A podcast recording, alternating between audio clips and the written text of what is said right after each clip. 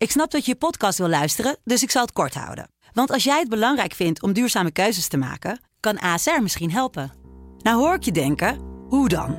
Nou, bijvoorbeeld bij het duurzaam herstellen van schade. Of de premies die we beleggen volgens ons duurzaam beleggingsbeleid. Dat bepaalt waar we wel en juist niet in investeren.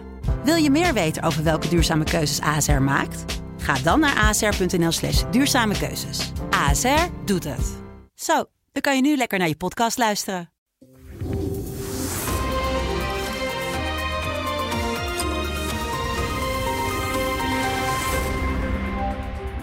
Welkom bij het gesprek met Paul Jansen, de hoofdredacteur van de Telegraaf, waarmee we wekelijks doornemen wat hem bezighoudt in het nieuws. Paul, welkom.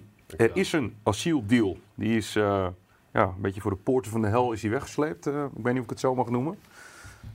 Uh, ja, wel bij de VVD. Rutte heen en weer vliegen uit het Midden-Oosten, uit, uit Sharm el-Sheikh. Ja. Zeg het maar.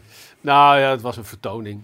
Ik vond het een vertoning. Uh, je zag al van heel ver aankomen dat de VVD door de fractie, Tweede Kamerfractie, want daar ging het om, waar uh, uh, ja, toch wel Kamerleden grote moeite hadden mm -hmm. met de koers van het kabinet. Waar zij natuurlijk de grootste regeringspartij van zijn, van die coalitie. Maar je zag van ver aankomen dat ze hier geen kabinetscrisis op, op zouden willen veroorzaken. Waarom eigenlijk niet? Nou ja, een paar redenen. A, kijk naar de staat van het land. Als je, als je op zo'n moment breekt, uh, dan word je dat denk ik door heel veel mensen niet uh, in dank afgenomen.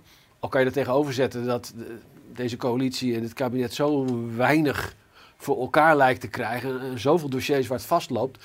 Dat uh, nieuw elan, nieuwe verkiezingen ook wel een zegen zouden kunnen zijn. Maar dan moet er wel wat veranderen. Hè? Want we zitten natuurlijk nu met een coalitie die ook al in Rutte 2 zat. Maar goed, ja. uh, uh, een vrees voor, voor uh, een afrekening van de kiezer. als je zou breken op dit moment. Um, ik denk dat dat mee heeft gespeeld. Tweede, wat heel belangrijk is, kijk naar de peilingen. Ja. VVD staat toch wel een stukje lager uh, in de peilingen dan dat ze nu zetels hebben. Nou ja, die Kamerleden kijken denk ook aan hun eigen baan. Ja.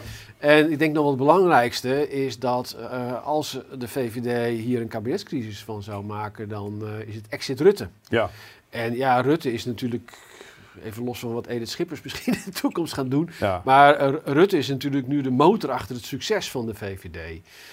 dus, dus er zijn heel veel belangen.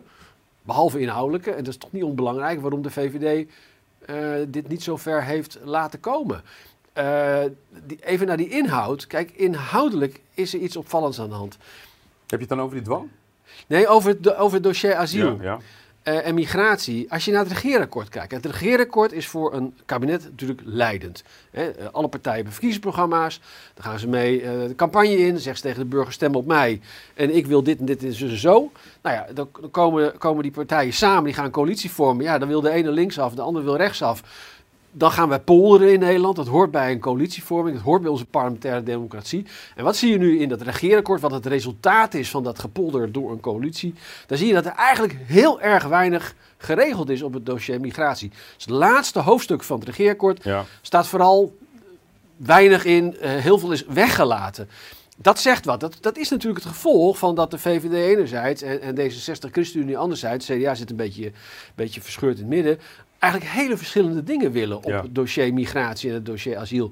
En dus laat je veel weg. Maar als je veel weglaat, betekent dat voor fracties dat ze terug kunnen vallen op een verkiezingsprogramma. Ja. Want dat is dan wat er, wat er wel vaststaat. Dus de VVD, als je het verkiezingsprogramma van de VVD uh, uh, erop naleest nou, dat is van dik hout zaag met planken op het gebied van migratie en asiel. Zij willen dat uh, asielzoekers zich aan de buitengrenzen van de EU ja. melden. Niet in Nederland. Asielaanvragen in Nederland volgens de VVD in, in een verkiezingsprogramma, dat moet gewoon niet meer kunnen. Ze willen nee. gewoon dat die asiel, dat is het instroomvraagstuk, helemaal mee stoppen. Ze ja. willen een mini-Schengen. Nou, Zit wel een heel, heleboel wishful thinking in. Uh, Jawel, maar, ja. maar ze hebben het zelfs over het, het, de, de, de, de paragraaf over asiel uit het VVD-verkiezingsprogramma. Uh, van, van, deze periode, hè, mind you. Dat begint met het VN-vluchtelingenverdrag, waarvan ze met zoveel woorden zeggen dat het totaal achterhaald is. Nou, het zijn dus in ieder geval allemaal aspecten van, van, uh, die een oplossing zouden kunnen bieden voor het huidige probleem. Ja. Waar de VVD-Kamerfractie ook steeds om heeft gevraagd: van, uh, luister, beste kabinet en staatssecretaris van onze eigen partij. we kunnen wel gemeenten gaan dwingen, maar je moet wat aan die instroom doen. Het is het bekende: zolang je de kraan niet dichtdraait, blijf je dweilen. Ja. Ehm, wat we nu zien met, met het resultaat wat er nu ligt, is dat er een half bakken toezegging ligt van, van de premier. Die als, in een hele rare figuur als, als uh, partijleider zogenaamd naar, naar, naar zijn eigen fractie ging.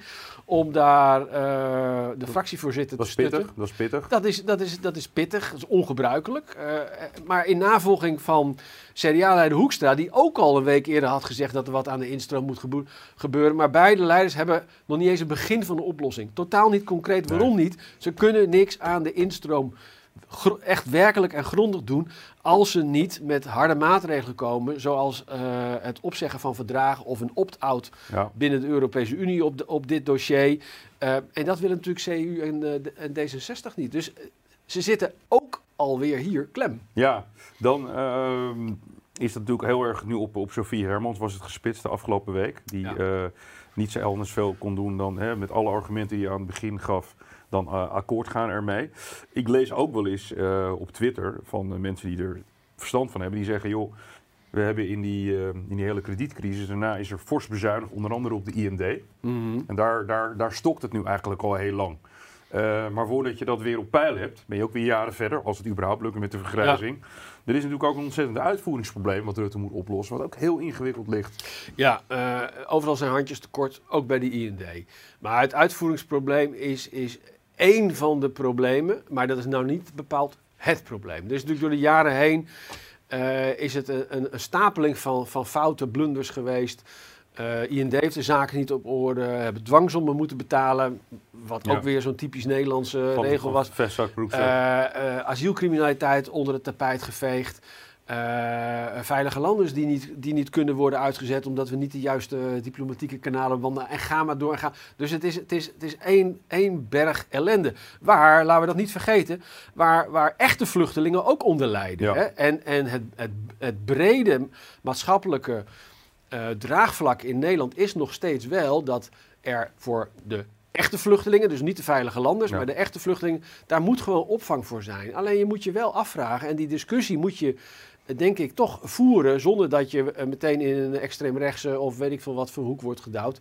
Of het met deze aantallen nog behapbaar is in een mhm. land waar al zoveel vastloopt. Qua woningnood, qua ruimtelijke ontwikkelingen. Eh, eh, dit, land wil heel veel. Mhm. Dit kabinet wil heel veel. op gewoon tegen zijn grens aan. Het, het kan niet allemaal tegelijk. En alles, hè, uh, uh, woningbouw, natuurherstel, klimaat, bevolkingspolitiek, asiel. Het hangt allemaal met elkaar samen. En, en wat ik zo mis in Den Haag, is ook een samen, samenhangende integrale aanpak. Het, het, het, zijn allemaal, het is allemaal versnipperd, verkokend beleid. En ze lopen overal vast. Ja, dat, dat, dat is niet houdbaar. Nee. Um, voorlopig is de crisis uh, bezworen. Denk je eigenlijk dat dit kabinet rit uit gaat zitten? Elke keer gaan we ah, zo langs de de afgrond. Vraag je ja. toch even een kristallenbol uit. Ah, ik, ik, sinds, uh, sinds het kabinet Rutte 2, uh, bekende kabinet met PvdA en VVD...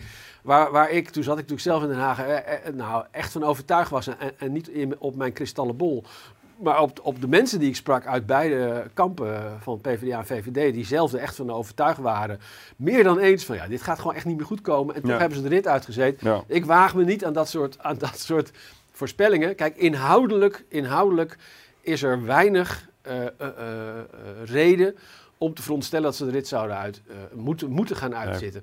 Ze krijgen, ze krijgen het, laten we gewoon heel eerlijk zijn. Het zijn allemaal de omstandigheden eigenlijk. Die nou, het, het, het, programma is niet sterk genoeg. Nee. De mensen, dat zeggen ze zelf ook in Den Haag, hè, als je ze spreekt. De, het team is ook niet goed genoeg. Daar moeten we gewoon heel eerlijk in zijn.